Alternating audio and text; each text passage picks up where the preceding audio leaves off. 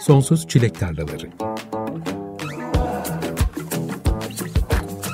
Güncel sahneden söyleşiler. Hazırlayan ve sunan Tuğçe Yapıcı.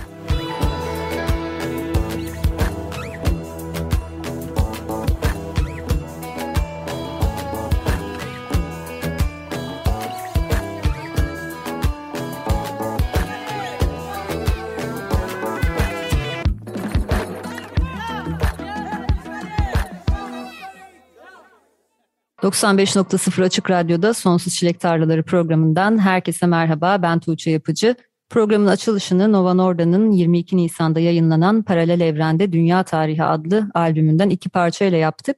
İlki albümle aynı isim taşıyan intro niteliğindeki parçaydı. Hemen ardından da Zorba'yı dinledik. Önümüzdeki bir saat boyunca Nova Norda bizimle birlikte olacak. Hoş geldin. Hoş bulduk Tuğçe. Nasılsın? Teşekkür ederim. Sen nasılsın? İyiyim. Heyecanlı ve iyiyim tam kayda başlamadan önce böyle içinin içine sığmadığını anlamıştım anlattıklarından. Evet. Şu anda hala aynı enerjiyi görüyorum sende. Evet, güzel. Dinleyenler belki hatırlayacaktır. Nova Norda'ya geçtiğimiz senelerde iki defa Açık Radyo'da konuk etmiştik ama bugün ilk defa bir albümle, ilk albümüyle birlikte burada. Senin son senelerde albüm yayınlamadan single'larla iyi bir müzik kariyeri yapabilmenin en iyi örneklerinden biri olduğunu düşünüyorum. 2018'den beri albüme kadar 25 single yayınlamışsın. Bu single'larla çok hızlı başlayan ve seneler içinde sürekli yükselen bir müzik kariyerin oldu. Geniş kitlelere konserler veriyorsun. Bu kadar iyi geçen bir 4 senenin ardından albüm yapma fikri senin için ne ifade ediyordu? Ya aslında e, tam galiba biz pandemiden hemen önce falan yaptık değil mi? E, en son e, Açık Radyo konukluğunu. Öyle hatırlıyorum. Aa yok yok şey tamam okey o bir önceki. Çünkü Açık Radyo'ya geldiğim günü hatırlıyorum. Çok kısa bir süre pa- sonra pandemi olmuştu. Evet o hatta son programımızdı stüdyodaki. Ya. Sonra bir daha stüdyoya gitmedim. Aha. O stüdyo da çok güzel halbuki. Evet seninle birlikte dönme hayalim var stüdyoya. Evet çünkü evet bir sonraki röportajımızda da sen de şeyi anlatmıştın. Uzun süredir evden çıkmadığını, serbestleşme olduğu halde sen bayağı sürekli evde olduğunu falan.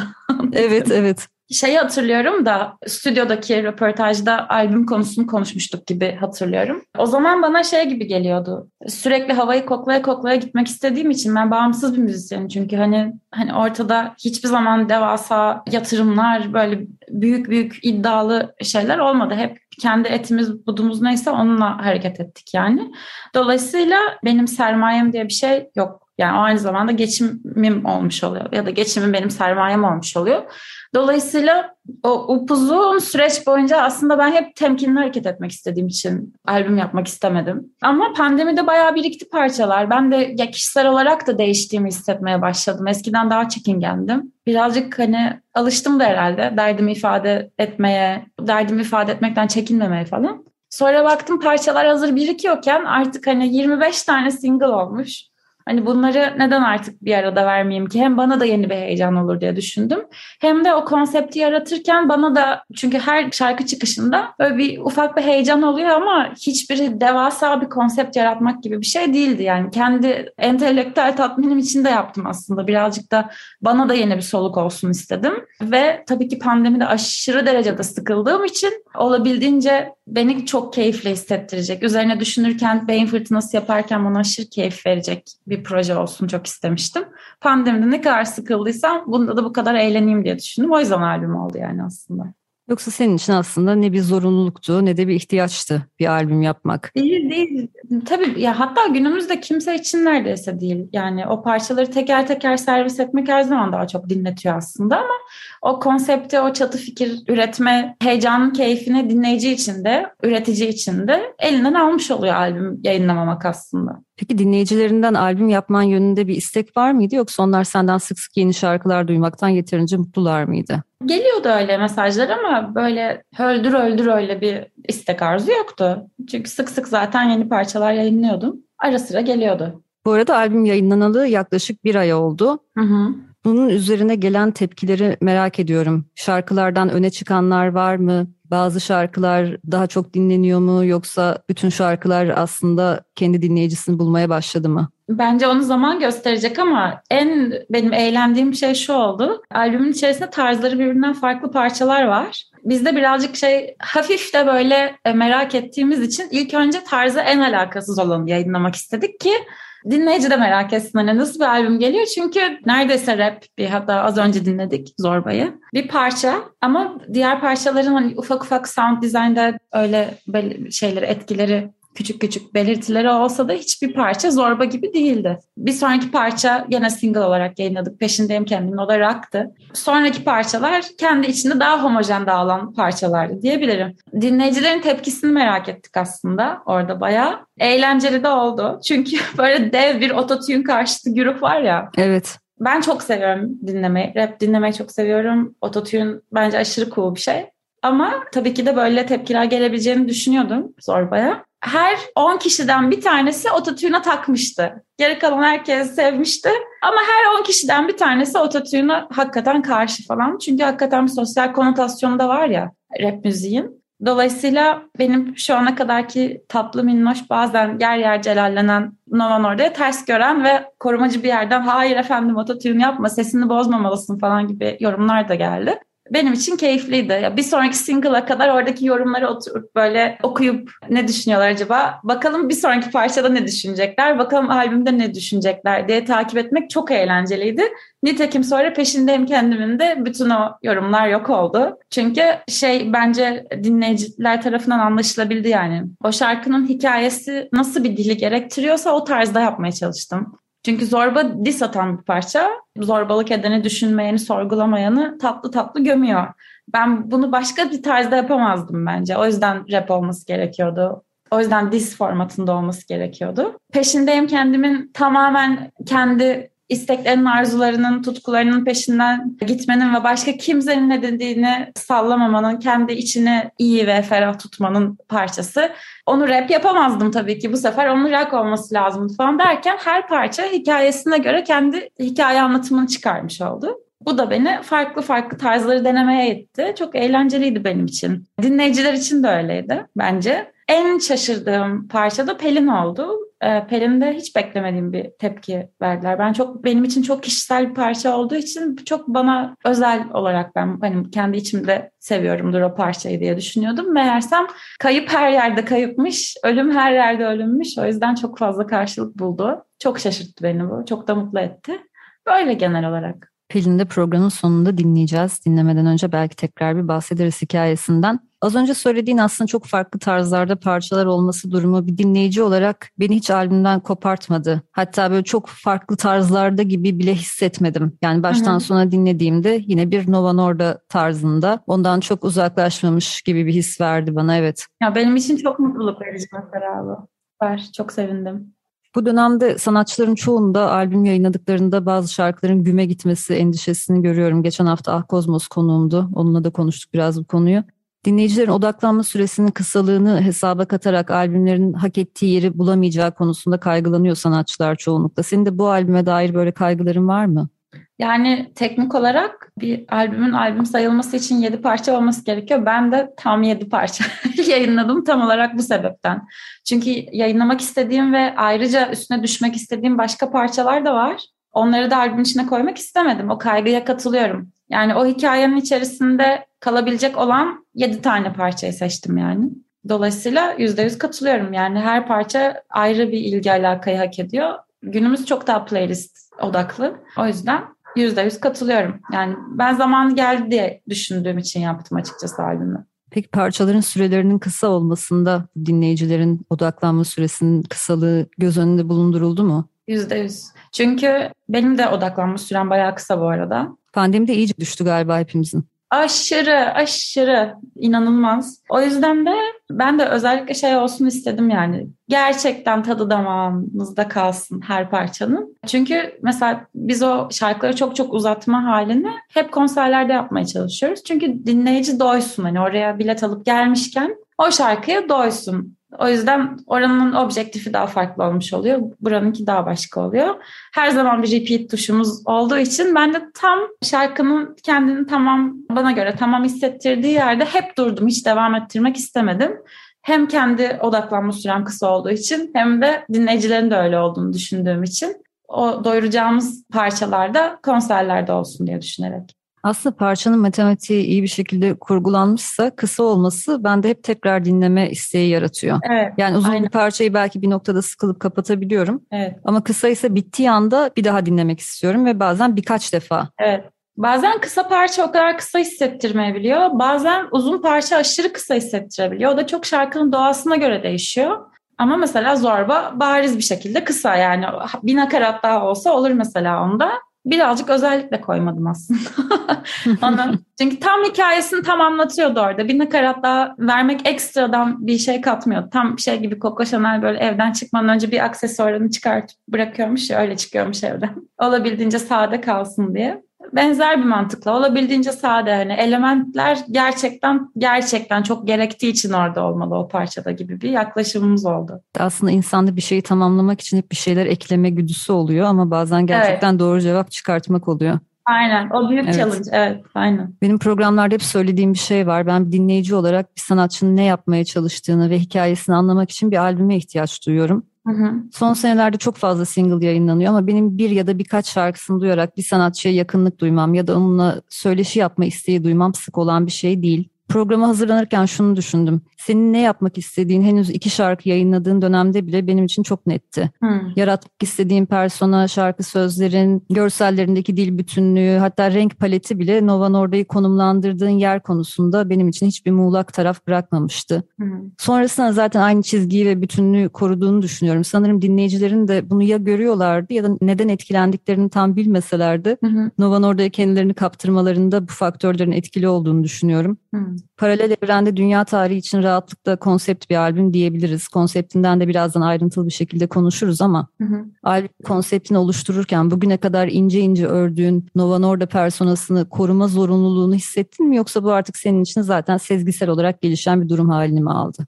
Ya bence şey önemli. Ben başta gerçekten dediğin gibi Nova Norda bir persona olsun ve ben ondan bağımsız bir kişi olayım ve ben bir proje yapıyor olayım diye yaklaşıyordum. Böylece projenin tutup tutmayacağını, yaşayıp yaşayamayacağını bilmediğim için o riski almak istemedim ve kendimi ayırmak istiyordum. O yüzden benim karakterimden olabildiğince bazı kısımları çıkarıp parlatmaya çalıştım. Bir Novan orada vardı. Sonra özellikle pandemide ne oldu ben bilmiyorum. Bende ne değişti hiçbir fikrim yok. Ama şey olmaya başladı. Her şey yolunda giderse ki çok şükür bu şu ana kadar gitti bu parçaları ben bir ömür söyleyeceğim. Dolayısıyla bu parçaların arkasına durabilmeliyim. Sohbet ettiğim bir insanla şarkıların içerikleri ya da sosyal medyadaki davranışımla ailem, arkadaşlarıma davranışım farklı olmamalı artık. Bir bütün olmalı ki ben içinde bulunduğum bu personada çünkü sık sık onu yaşamam gerekiyor. Aşırı rahat hissedebileyim. Derken orası artık bütünleşti. Nolan Orda'nın personasına uygun şarkılar olsun diye yazmıyorum artık hakikaten öyle hissettiğim için, kendi meselelerimi anlamak, çözümlemek için yazıyorum. O da ya baştan ne mutlu ki zaten bütün temayı bunun üzerine kurmuşuz ama çelişmemiş oldu kendi içinde. Sadece ben kendimi herkese karşı çok daha dürüst ve açık bir halde buldum zamanla kendiliğinden gelişen bir duruma dönüştü yani zaman içinde aslında bu. Evet evet. Özel olarak çaba sarf etmene gerek kalmıyor artık o personayı devam ettirmek için. Aynen. Şimdi iki parça dinleyeceğiz albümden. Çok daha fazla sohbeti uzatmadan biraz daha müzik dinleyelim istiyorum. Bunların ilki Peşindeyim Kendimin. Bu galiba albümde seni en çok gaza getiren parçaymış. Hemen ardından da Bela gelecek. O da albümün çıkış şarkısıydı. Dinlemeden önce bu iki parçaya dair söylemek istediğim bir şey olur mu dinleyenlere? Ya umarım şu an dinleyenleri sıkıntıları neyse şu an boğuştukları böyle gaza getirir, güçlendirir falan iyi gelir yani şu an. Umarım öyle bir andır ve iyi ki şu an dinlemişim falan derler. Hadi o zaman Nova Norda'dan peşindeyim kendimin ve Bela dinleyelim. Hemen ardından tekrar burada olacağız. Açık Radyo'da Sonsuz Çilek Tarlaları programı devam ediyor. Nova Norda'nın Paralel Evrende Dünya Tarihi albümünden Peşindeyim Kendimin ve Bela dinledik. Kendisi bu akşamki konuğum. Bu bölümde albümün konseptinden biraz daha etraflı biçimde bahsedelim istiyorum. Albüm bir takım sorulardan yola çıkıyor. paralel evrende eşitliğin ve barışın hüküm sürdüğü bir dünya var olsaydı o dünyada yaşayanlar tarih kitaplarını açtıklarında ne görürlerdi? Oradaki dünyanın bu ütopik noktaya gelmesine katkıda bulunmuş ne gibi figürler ve olaylar var olmuş olabilir? Bu iki soru albümün ana aksını oluşturuyor. Zihninde bu sorular oluştuktan sonra mı şarkıları yazmaya başladın yoksa ürettiklerinin bu sorular ekseninde döndüğünü mü fark ettin? Ee, ikincisi çünkü parçaları yaparken aslında hani o ara ne yaşadıysam ne beni çok etkilediyse aslında onlara odaklanarak yazdım. Parçaları sonrasında yan yana koyduğum zaman fark ettim. Aslında hepsinin ortak bir derdi var yani hepsi dünyaya bir şekilde eh hadi bakayım ya biraz değişin. Tamam her şey çok daha güzel olabilir. Azıcık düşünseniz, azıcık kendinizi sorgulamaya açık olsanız çok da keyifli bir şey falan. Yani hepsinin e, buralarda örtüştüğünü fark edince o çatı fikrin üzerine kurmaya karar vermiştim. Aslında bayağı ilginç bu kadar bütünlüklü bir albümün konsepti baştan belirlemeden bu şekilde ortaya çıkabilmiş olması bence. Evet aynen ya ne yaşadıysam onu yazdım. Dediğim gibi hani yalan söylemek istemiyorum hiçbir parçada. Yaşamadığım şeyi yazmak istemiyorum. O yüzden başıma ne geldiyse onu yazdım yani. En sonunda baktım ki öyle bir ortak noktası varmış hepsinin. Programın açılışını dinlediğimiz albümünde açılış parçası olan Paralel Evrende Dünya Tarihinde şöyle bir söz geçiyor. Bir süper gücüm olsa dünya üzerinde farkında olarak ya da olmayarak birilerine zulmeden kim varsa onları o zulmettikleri gruplardan insanlara aşık etmek isterdim. Bu fikir aklına nasıl geldi? Bu cümleye varıncaya kadar geçtiğin düşünce sürecini merak ediyorum. ben de hiç bilmiyorum. Bir gün durduk yere aklıma gelmişti bu. Bir röportajda soruldu. E, röportajda biliyordum cevabımı. Aa evet ben bunu önceden düşünmüştüm diye. Soru neydi? İşte bir süper gücün olsa ne olsun isterdin? Ne ara düşündüm onu bilmiyorum ama bu fikir çok hoşuma gitmiş. Yani pek çok problemi çözebilir gibi gelmiş işte. o yüzden böyle bir herkese birbirine aşık edecek müthiş bir gücüm olsun isterdim ki böylece müthiş bir dünyada yaşayalım. Herkes birbirine delicesine empati kursun. Davasını davası edinsin. Böylece kendi hareketlerine, yaptıklarına dönüp baksın ve çok daha güzel bir dünyada yaşayalım. Seni tanıdığımızdan beri tüm işlerinde, sahne tasarımlarında her zaman tutarlı bir görsel dil oluşturmaya özen gösterdiğini biliyorum. Bu albümün ilk klibi programın başına dinlediğimiz Zorba parçasına çekildi. Orada da çok özenli bir dünya kurulduğunu görüyoruz. Klibin hikayesinden biraz bahseder misin bize? Belki izlemeyenler de vardır. Albümün tek klibi Zorba. Başka bir klip olmayacak mı? Valla şu an için hayır. Yani birkaç fikir var aklımızda ama onlar da böyle bir klip formatında olmayacak. Daha çok canlı performanslar üzerinden bir şeyler yapmayı düşünüyoruz. Çünkü sahne kısmı apayrı. Yani orasıyla apayrı bir itina içindeyiz. Her şey aslında sahne için. Yani sahneye giden yolculuk gibi. Bütün görsel dünyanın inşası. O yüzden en çok özendiğimiz yer orasıyken sahneden bir şeyler çıkarmaya karar verdik yani. Bundan sonraki videolar öyle olacak. İlk ve tek klibi albümün Zorba. Orada da istedik ki madem paralel evrende dünya tarihi olmayan bir tarihi olay yazalım, uyduralım kendi kendimize. Dedik ki işte şarkının anlattığı gibi bir tane zorbamız var. Bunlar bir güruh hatta ve işte düşünmüyorlar, sorgulamıyorlar ve kendi iç dünyalarıyla, kendi karanlıklarıyla yüzleşmek istemedikleri için etrafa bağırıp çağırıyorlar. Meseleleri kendileri duygularını anlayarak çözmek yerine böyle bağırıp çağırıyorlar hani. Bir de o zamanın güya bizim uydurduğumuz bir alternatif tayfası var. Gerçekten yani asla var olamayacak tabii ki hayal dünyamızdan bir alternatif asiler. Bunlar da düşünmeyi, sorgulamayı savunuyorlar ve sarayı basıyorlar. Nasıl beceriyorlarsa bu kadar kolaylıkla saraya girmeyi. Sonra onları kendi iş dünyalarıyla yüzleştirmek için bir odaya ışınlıyorlar. Onlar kendi başlarına kalıyorlar ve böylece kendilerini sorguluyorlar. Ve diyorlar ki ha demek ki evet düşünüp sorgulayınca çok güzel gerçekten masal basitliğinde bir fikir yani aslında ama gerçekten çok eğlendik. Sonra hep beraber dans ediyoruz falan. Benim içinde bulunduğum en keyifli klip çekimlerinden bir tanesiydi gerçekten. Çünkü hakikaten o ruha çok girdik. Ee, Avusturya konsolosluğunda çekildi. Zaten saray gibi bir yer. Hepimiz o kostümleri giymişiz falan. Geçirdiğim en eğlenceli süreçlerden bir tanesiydi. Çok eğlenceli gerçekten öyle görünüyor buradan da. Evet. Ben de mekanı çok merak etmiştim. Aynen. O zaten mekan, kostümler, karakterler her şey birden klibin içine çekiyor zaten izleyiciyi. Öyle. Ayrıca albümün tüm parçaları içinde aynı konsept çerçevesinde şekillenen lirik videolar hazırlanmış. Evet. Lirik videoları ben genelde sıkıcı buluyorum ama son dönemde çok yaratıcı örneklerinde görmeye başladık neyse ki. Hı hı. Senin albümün için hazırlanan tüm lirik videolarda aslında birer klip özeniyle tek tek tasarlanmışlar. Evet, aynen. Lirik videolarda kolay. farklı illüstratörlerden destek alınmış. Orada nasıl bir süreç işledi? Sen ne kadar müdahil oldun illüstratörlerin yaratım sürecine yoksa onları tamamen özgür mü bıraktın? E şöyle ben FAM Hub'la çalıştım. FAM e, benim en yakın arkadaşlarımın kurduğu bir illüstrasyon ajansı.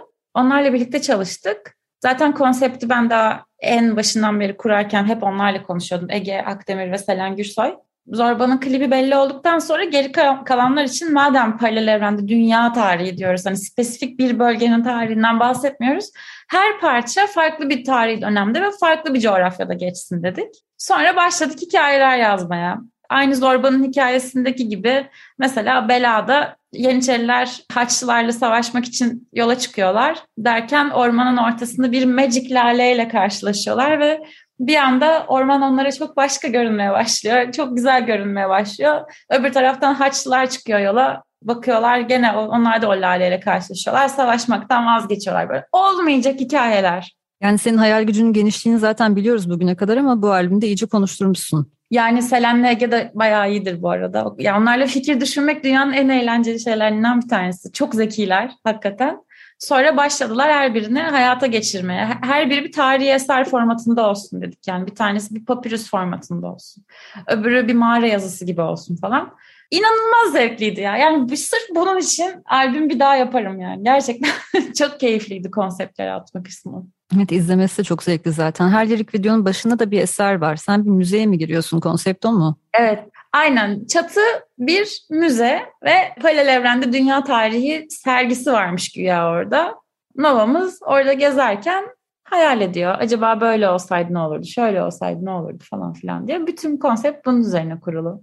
O eserler nedir peki? Klipler için mi hazırlandı yoksa zaten var olan eserleri mi seçtiniz? Bazılarını o propları yetiştirmek adına halihazırda olanlardan kullandık. Bazılarını klipte olanlardan kullandık. Geçen ay gerçekleşen Açık Radyo Destek Haftası için bize bir ses kaydı hazırlamıştın. Orada bağımsız bir sanatçı olarak Açık Radyo ile kendi hikayen arasında kurduğun paralellik bizi etkilemişti. Başından beri bağımsız ilerlemeyi tercih ediyorsun. Albüm de aynı şekilde bağımsız yayınlandı. Buna rağmen hep profesyonel ekiplerle çalıştın. Bu albüm içinde çok özenli ve geniş kapsamlı çalışmalar yapmışsın. Sen de bahsettin zaten programın ilk bölümünde. Bağımsız bir sanatçı olarak tüm bunları finanse etmek nasıl mümkün oluyor? Bu işin sırrını sormak istiyorum. Çünkü ben senin hikayenin bu anlamda bağımsız sanatçılara ilham kaynağı olabileceğini düşünüyorum. Çünkü konuştuğum sanatçılardan bazıları çoğu zaman bir tane klip çekmek için bile bütçe bulamadıklarını söylüyorlar. Çok Sahne evet. tasarımı yapmak istiyorlar ama bunların hepsi bütçeye dayanıyor. Evet. Hiçbirisi için kaynak bulamıyorlar. Sen nasıl kotarıyorsun bu işleri? Yani ben şöyle söyleyeyim. Dört senede biriktirdiğim bütün birikimimi albüme boca ettim gerçekten. Dediğim gibi geçim param aynı zamanda sermayem olduğu için çok karışık orası. Ama Allah'tan bağımsız olmanın güzelliği o. Yani şarkı gelirleri benim. Yani dolayısıyla bir plak şirketine gitmediği için ya da öyle bir bölüşme olmadığı için bağımsızlığın getirdiği prodüktör arkadaşlarım ve işin içine dahil olan fit yapan arkadaşlarımla beraber cümleten bizi geçindirecek bir bazı sağlamış olduk. Yani 4 sene içerisinde. O beni çok mutlu ediyor. Dolayısıyla bu da risk almamı kolaylaştırdı açıkçası. Yani dört sene boyunca yaptığım reklam işleri, sponsorlu işler vesaire hepsini böyle günler için bekletiyordum. Yani hepsi gitti şu an. Ama böyle çok çok keyifle yani gerçekten. Çünkü yani hiçbir zaman benim yatlar, kaplar, evler, arabalar alacağım yok. Ben biliyorum kendimi. Hep buraya yatırmak isteyeceğim ve tam olarak hayal ettiğim gibi oldu yani. Senelerdir bundan bahsediyordum. Hakikaten öyle olmuş oldu. Ama şey boyutu var tabii ki. Bir plak şirketi olmuyorsa bir sponsor yer yer gerekiyor. O da bazen öyle bir feragat demek oluyor. Yani plak şirketiyle çalışmayı seçip ben hiçbir şekilde sponsor almayacağım demek de bir seçenek. Yani plak şirketlerini kötülemek adına söylemiyorum. Benim sadece seçtiğim yol buydu. O da bir yandan ufak tefek reklam işleri de yapmaktan geçiyordu yani. Benim için sırrı buydu işin. Ama herkes için başka bir senaryo geçerlidir eminim yani. Yani sanatçılar çoğunlukla aslında bir kariyer olarak yorumlamayı tercih etmiyorlar, adlandırmayı tercih etmiyorlar ama bu da bir kariyer aslında bir sanatçı kariyeri, bir müzik kariyeri. Evet. Bunun da devamlılığını sağlamak için tekrardan yatırım yapman gerekiyor aslında sürekli edindiğin kenara koyduğun gelirlerden. Biraz zorunluluk gibi aslında o kısım. Bence öyle. Yani yani hiçbir şey değiştirmeden aynı şekilde üretmeye de devam edebilirdim ama gerçekten hiçbir kariyer hedefiyle değil de kendi kişisel tatminim için yapmak istedim bunu. Yani çok eğlenelim bu albümü yaparken dedik yani. Sen hayallerini gerçekleştiriyorsun aslında. Aynen yani evet. Dolayısıyla bir kariyer hedefiyle değil bunların hiçbiri ve bence biraz kerameti de orada. Yani bir şey olsun diye değil de bir yere gelmiş olmak için değil de gerçekten çok sevdiğimiz için yapıyoruz. Bütün ekip olarak yani kalabalık ekip olarak. Bence bu çok hissediliyor bu samimiyet. Zaten bir yere gideceği varsa bence o şekilde gidiyor gibi hissediyorum hep yani. Öbür türlü o samimiyetsizlik hep bence seziliyor. Evet kesinlikle. Samimiyet çok artık içi boşalmış bir kavram. Yani çoğu zaman ben samimiyet dendiğinde neden bahsedildiğini bile anlamakta zorlanıyorum ama tam olarak bahsettiğin şey bu herhalde. Aynen. Aksi hissediliyor çünkü. Aynen. Ya dışarıdan nasıl algılanacağı, işte nasıl bir prestij sebep olacağı için değil de gerçekten yapmak istediğin şeyi yapmak için bu imkanları değerlendirmek bence işin sırrı. Peki bu 4 senelik süreçte bir plak şirketiyle çalışmayı düşündün mü? Seçenekleri, teklifleri değerlendirdin mi hiç? Değerlendirdim tabii. Hala da değerlendiriyorum bu arada. Yani şey gibi değil. Yani ben plak şirketleriyle asla çalışmam gibi bir şey hiçbir zaman olmadı. Bence taktiksel olarak çok doğru işler de yapılabiliyor plak şirketleriyle. Sadece şu ana kadar benim çizdiğim yolla hiç örtüşmedi. Örtüşse çalışabilirdim. Mesela evde albümünde öyle yaptık. Can Ozan, Sedef Birkanlı, Soğlu ben. Albüm olarak Universal'la çalıştık mesela. Aslında plak şirketlerinin de artık senin gibi bir sanatçının beklentilerini karşılayacak biçimde kendilerini güncellemeleri gerektiğini hissediyorum. Bence ben. o noktadalar ya. Yani ilk başta görüştüğüm zamanlarda yaptığım toplantıları hatırlıyorum. Şu anki toplantıları görüyorum. Bence çok çok oradalar aslında. Güzel yaklaştıklarını düşünüyorum. Sanatçıya daha çok inisiyatif bıraktıklarını da düşünüyorum. Yani iyi yaklaşıyorlar bence. Yani hakikaten böyle derdim şey değil. Plak şirketi kötülemek değil. Sadece bağımsızlığın tadını çıkartıyorsun. Avantajlarının altını çizmek. Yani evet aynen. Benim seçtiğim yoldan ben hep çok memnun oldum açıkçası. Ama yarın bir gün dediğin gibi mantıklı bir şey olursa, taktiksel olarak mantıklı bir durum olursa sağlıyorum yurt dışı piyasasına erişmek gibi ya da ne bileyim Türkiye'de bambaşka bir şey üretmek gibi ya da evde albümü gibi, konsept bir albüm gibi bir şeyler yapmak gerekirse ben hiçbir şekilde TÜKAK'a demiyorum kesinlikle plak şirketlerine. Bence çok da faydalılar o konuda. Yani senin daha fazla hayalini gerçekleştirmeni sağlayacak bir bazı sağladıkları sürece sana olmayacak bir şey değil. Tabii ki ve alanı ve özgürlüğü sağladıkları sürece bence. Pek çok plak şirketi orada bence şu an. Oraya doğru gidiyor en azından. Bir yandan düşünce 4 sene çok kısa bir süre gibi ama bu dönemde her şey çok hızlı ilerlediği için evet. plak şirketleri tarafında da her şey çok hızlı değişiyor. Onlar da çağa evet. çok daha hızlı uyum sağlamak durumunda kalıyorlar. Evet, evet bence de. Öyleler bence. Şimdi iki parça daha dinleyeceğiz. İlki Nova Norda'nın Yüreğim Ellerinde parçası. Hemen ardından da yine yerli sahneden başka bir sanatçının bir parçasını dinleyeceğiz. O da Emir Tahan'ın Kalp Çare Arar adlı parçası. Hemen ardından tekrar Nova Norda ile burada olacağız. Açık Radyo'da Sonsuz Çilek Tarlaları programındasınız. İki şarkı birbiri ardına dinledik. İlki Nova Norda'nın Yüreğim Ellerinde adlı parçasıydı. Kendisi zaten bu akşamki konuğum.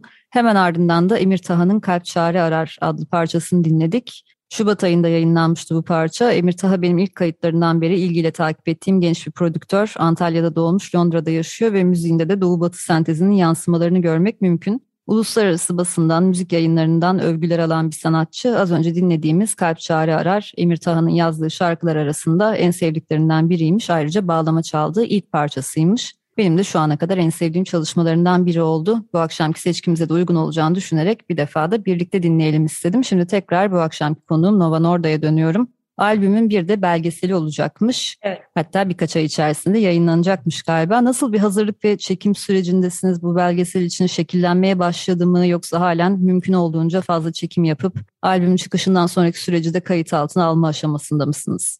Evet yani lansman konseri ve sonrasını kapsayan bir süreç. Yani bütün albüm hazırlığından başlayarak benim evde kendi kendime akıl edip de kameraya kurabildiğim anlarla başlıyor. Sonra konsere kadar, albüm çıkışı, konserlere kadar giden bir süreci anlatacak. Derdim de hem birazcık kendim için arşivlik, hani aa işte zamanda da öyle bir şey yapmıştık ne güzeldi diyebilmek için. Hem de bir yandan da işin gerçekten her alanıyla çok detaylı bir şekilde uğraşıyoruz ekipçe. Onu da biraz daha görünür kılmak için yapmak istedim. Yani prodüksiyon ekibi, klip zaten şarkıları üretirkenki süreç hepsi dev dev ekiplerin orkestrasyon falan yani inanılmaz yoğun çalışmalarıyla olan bir şey. O yüzden birazcık onların da görünür olmasını istediğim için neden yapmayalım ki dedik yani. Bize de eğlence çıkar. O yüzden şarkı kayıtlarından işte şarkı yazdığım defterlere böyle yaptığım antrenmanlara kadar her an sürekli yanımda olan bir ekip oldu. E, Dükkan Production işte onlar da daha önceden benim canlı akustik videoları çektiğim ve çok iyi çalıştığımız, rahat çalıştığımız bir ekipti. Gene keyifli çalıştık yani. Hakikaten çok güzeldi. Çoğu dinleyici de merak ediyor aslında işin arka planını. Özellikle büyük bir Bence sahne de. şovu gördüğünde bunun hazırlık süreci nasıldı acaba Evet. diye. Ben olsam çok merak ederdim mesela. O yüzden de güzel. Bir de yani şey bu işi yapmak isteyen belki bağımsız bir şekilde sürdürmek isteyen ya da o creative direction kendi başına yapmak isteyen diğer müzisyenler için de bence güzel olabilir. Ben hani seve seve zaten herkesle her deneyimimi paylaşıyorum ama hani onu birinci elden görmek belki hani o kriz anlarını falan görmek kadar gerçek değil hiçbiri yani. O yüzden onları belgelemek bence güzel olacak. Evet çok ilham veriyor. Albümün lansman konseri 13 Mayıs akşamı Durak X Archway'nin Fitaş sahnesinde gerçekleşti. Bu albüm özelinde sahne için yeni bir tasarım yaptığınızı gördüm ama ben anlatmayayım. Aynen. Sen de bence çok fazla sonraki konserlere gelecek olanlar için ayrıntı vermek istemeyeceksindir ama belki genel hatlarıyla birazcık bahsedebilirsin. Ya bizim için bütün bu albümün son durağı konser. Çünkü çok kez hayata geçireceğiz o konsepti, çok kez o parçaları söyleyeceğiz diye. Bütün yolculuğu sıfırdan başlayıp single'ların yayınlanması, sonra albümün yayınlanması, sonra onunla dair hikayesiyle ilgili bir şeyleri daha bu röportajlar gibi mesela hikayelerin dallanıp budaklanması ve sonrasında bütün o hikayenin konserde can bulması amacıyla yaptık hepsini.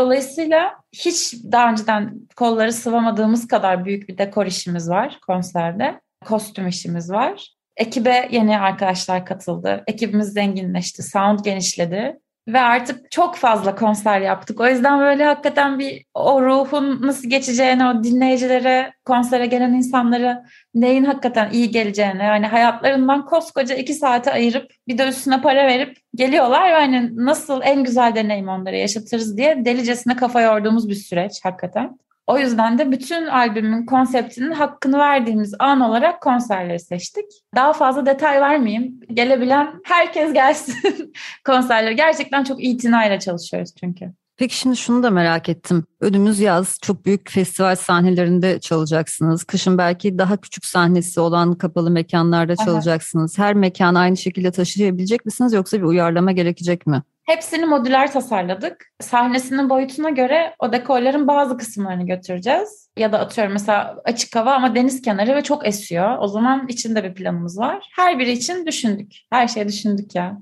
Evet her şey etraflıca düşünülmüş. Evet evet. İstanbul lansmanının ardından hemen devam edecek mi konserler? Evet.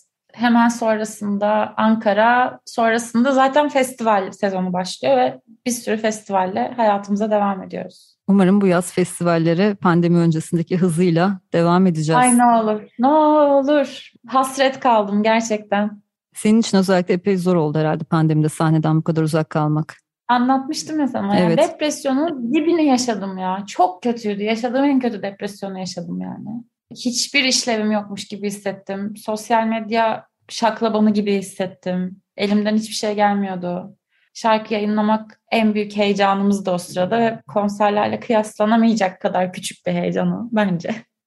o kadar iyi ki konser yapmak. Dolayısıyla şarkı yapa yapa bir şeyler ürete ürete kendimizi idare ettik aslında yani. Peki sahnelere geri döndüğünde hemen aynı kondisyonu bulabildin mi? Bazı sanatçılar mesela çok zorlandıklarını söylüyorlar. Yok hiç aynen Biraz paslandıklarını, Yok, yok hissettiklerini ya. anlatıyorlar.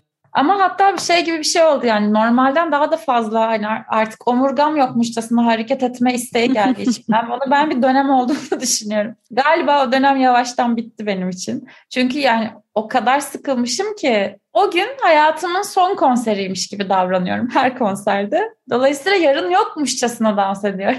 Yani hareketsiz kaldığımız iki senenin acısını çıkarttın. Bence öyle ama o fazın yavaş yavaş bittiğini hissediyorum yani tamam artık. Hani belli ki Sakinleşebiliriz. artık. İdareli kullanalım enerjimizi. Evet evet kesinlikle. Çünkü en son mesela üç gün üst üste konser yapmıştık. En son kolum kalkmıyordu yani. Hani o kadar da değil demek ki. Konser sezonu yoğunlaştıkça her gün yarın yokmuşçasına dans edemiyoruz. Sen hiç 18 yaş altı konser veriyor musun? Çok nadir. Çünkü o yaş grubunda da çok fazla dinleyicim vardır diye tahmin ediyorum. Var ya çok istiyorum ama hep denk gelemiyor. Ne kadar kısmet iştir bunlar birazcık ya. Ne kadar denk gelebilirse ben de özel olarak çaba sarf ediyorum. Bakıyoruz işte. Bu sene sonunda Spotify tüm dinleyiciler için senelik bir özet yayınlıyor ya. Hı. Herkes kendi dinleme geçmişini görebiliyor. O sene içerisinde en çok neleri dinlemiş. Bir arkadaşımla konuşurken geçen yıl sonunda şey dedi. Bu sene benim yeni çocuğu oldu. 3-4 yaşlarında tahminim. Bu sene dedi daha çok onun dinlemeyi sevdiği Ne şeyler falan. üzerinden şekillendi benim listem dedi. Ben dedim ne mesela? Ve şey düşündüm yani çocuk şarkılarıdır herhalde Evet, diye düşündüm. Baby şarkı. Hayır değilmiş. Mesela Nova Norda dinozorlar dedi. ne? Biliyor muydun böyle bir şey mesela? Hayır. Oha çok iyi. Oha gurur duydum şu an. Benim de çok hoşuma gitti. Hiç böyle düşünmemiştim. Çocuklar dinozorları seviyor bu arada tekerleme gibi olduğu için. Ama yani o kadar küçük bebekken Evet. diyorsun. Muhtemelen dans ediyor onunla. Yani onur duydum, gurur duydum. Harika. Sonra biraz üzerine düşündüm bu söylediği şeyin de senin şarkıların bence böyle katmanlı bir yönü var. Aslında bir tarafta çok daha derinin, daha yetişkin dertlerinden bahsediyorsun. Ama ilk katmanda dinlendiğinde belki Aha. sadece bir çocuk da çok eğlenebilir. Evet. Biraz onun için uğraşıyorum ya. Ya mesela peşindeyim kendimindeki yani. O melodiyi bulduğumda aha tamam hani harika çok eğlenceli bir melodi. Hani bunu nasıl anlamlı bir hale getirebilirim diye çok uğraşmıştım mesela. Bence birazcık da şey hani o parçaların dinleyicideki değerini de esas sözleri belirliyor en sonunda. Tabii ki de yani çok sevdiğimiz, çok eğlendiğimiz bir sürü parça var da o dinleyicinin gönlünde taht kurmasını sağlayan şeyler bence sözleri oluyor. O yüzden çok özen gösteriyorum o kısma yani. Bu dönemde bu çok gördüğümüz bir şey değil aslında. Yani bir şarkının, bir sanatçının eserlerinin 7'den 77'ye tüm yaş gruplarını, toplumun her kesiminden insanı etkilemesi. Bu mesela Barış Manço'da bizim en çok gördüğümüz bir şeydi herhalde. Hı. Çocuklar da çok seviyordu, yaşlılar da çok seviyordu, halkın her kesimi çok seviyordu. Hı hı. Bizim kuşakta sanki çok fazla böyle üretim çıkmadı. O yüzden seninle ilgili böyle bir şey duymak beni heyecanlandırdı. Yani üst jenerasyonda daha doğrusu üst jenerasyon dediğim yani benim annemler falan gibi jenerasyonda daha az karşılık bulmaya başlıyor aslında. Hani oralara aşırı derecede ulaşabiliyor değil bence şu anda benim müziğim ama bazı şarkılar hitap ediyor onlara bazıları hitap etmiyor. Bazıları hiç alakasız kaçıyor. Mesela Zorbayı sanmıyorum ki açıp dinlesinler. Ototün yüzünden. Yine ototün suçlusu. Öyle olabilir ama Pelin açıp dinlerler mesela. Yani değişiyor. Seninle buluşup sohbet etmeyi her zaman çok seviyorum. Bu akşam da burada olduğun için çok teşekkürler sevgili Novan orada. Ben de, ben de öyle. Hep her seferinde çok güzel geçiyor. Aynen. Genellikle sana nasıl hitap edeceğimi bilemiyorum. Bu konuda sorun yaşıyorum. Geçmişte canlı söyleşilerde pot kırmışlığım da vardır ama bu akşam iyi kotardım bence durumu. Bakıyorum başka röportajlarda mesela Nova diyorlar sana çoğunlukta böyle sanki orada soyadınmış gibi. Nova'ya Onu da oturtamadım ya, aynen. kafamda. O Nova'ya yüzden zorlanıyorum. Evet. Ama başardım bence bu sefer. Son olarak eklemek istediğim bir şey olur mu? Yani konserlerde bol bol görüşmek istiyorum herkesle. Hakikaten çok güzel geçiyor böyle. Sanki iki saatlik bir çok hareket ettiğimiz bir terapi gibi. Böyle kendi duygularımızı, iç seslerimizi, tutkularımızı coşkuyla yaşadığımız bir iki saat oluyor. Bence sadece bana iyi geliyor olamaz yani. Hakikaten çok keyifli geçiyor. Görebiliyorum da hani insanların ne kadar keyif aldıklarını. O yüzden olabildiğince konserlere gelmelerini çok isterim. Umarım gelirsiniz sevgili dinleyenler. Öyle. Ben çoğu dinleyicinle bu yaz buluşacağını düşünüyorum. Umarım. Çünkü yaz senin için eminim çok yoğun geçecek. Bakalım ya göreceğiz. Aynen. Heyecanlıyım. Bu haftalıkta Sonsuz Çilek Tarlalarının sonuna geldik. Bu akşam Nova Norda ile birlikteydik. Paralel Evrende Dünya Tarihi adlı ilk albümünü konuştuk. Albüm geçen ay yayınlandı. Önümüzdeki günlerde bu albümün şarkılarını konserlerde dinleyicileriyle buluşturmaya devam edecek Nova Norda. Biz de bu akşam sizlere albümden Pelin adlı parçayla veda edeceğiz. Gelecek pazartesi saat 20'de görüşünceye kadar herkese güzel bir hafta diliyorum. Hoşçakalın.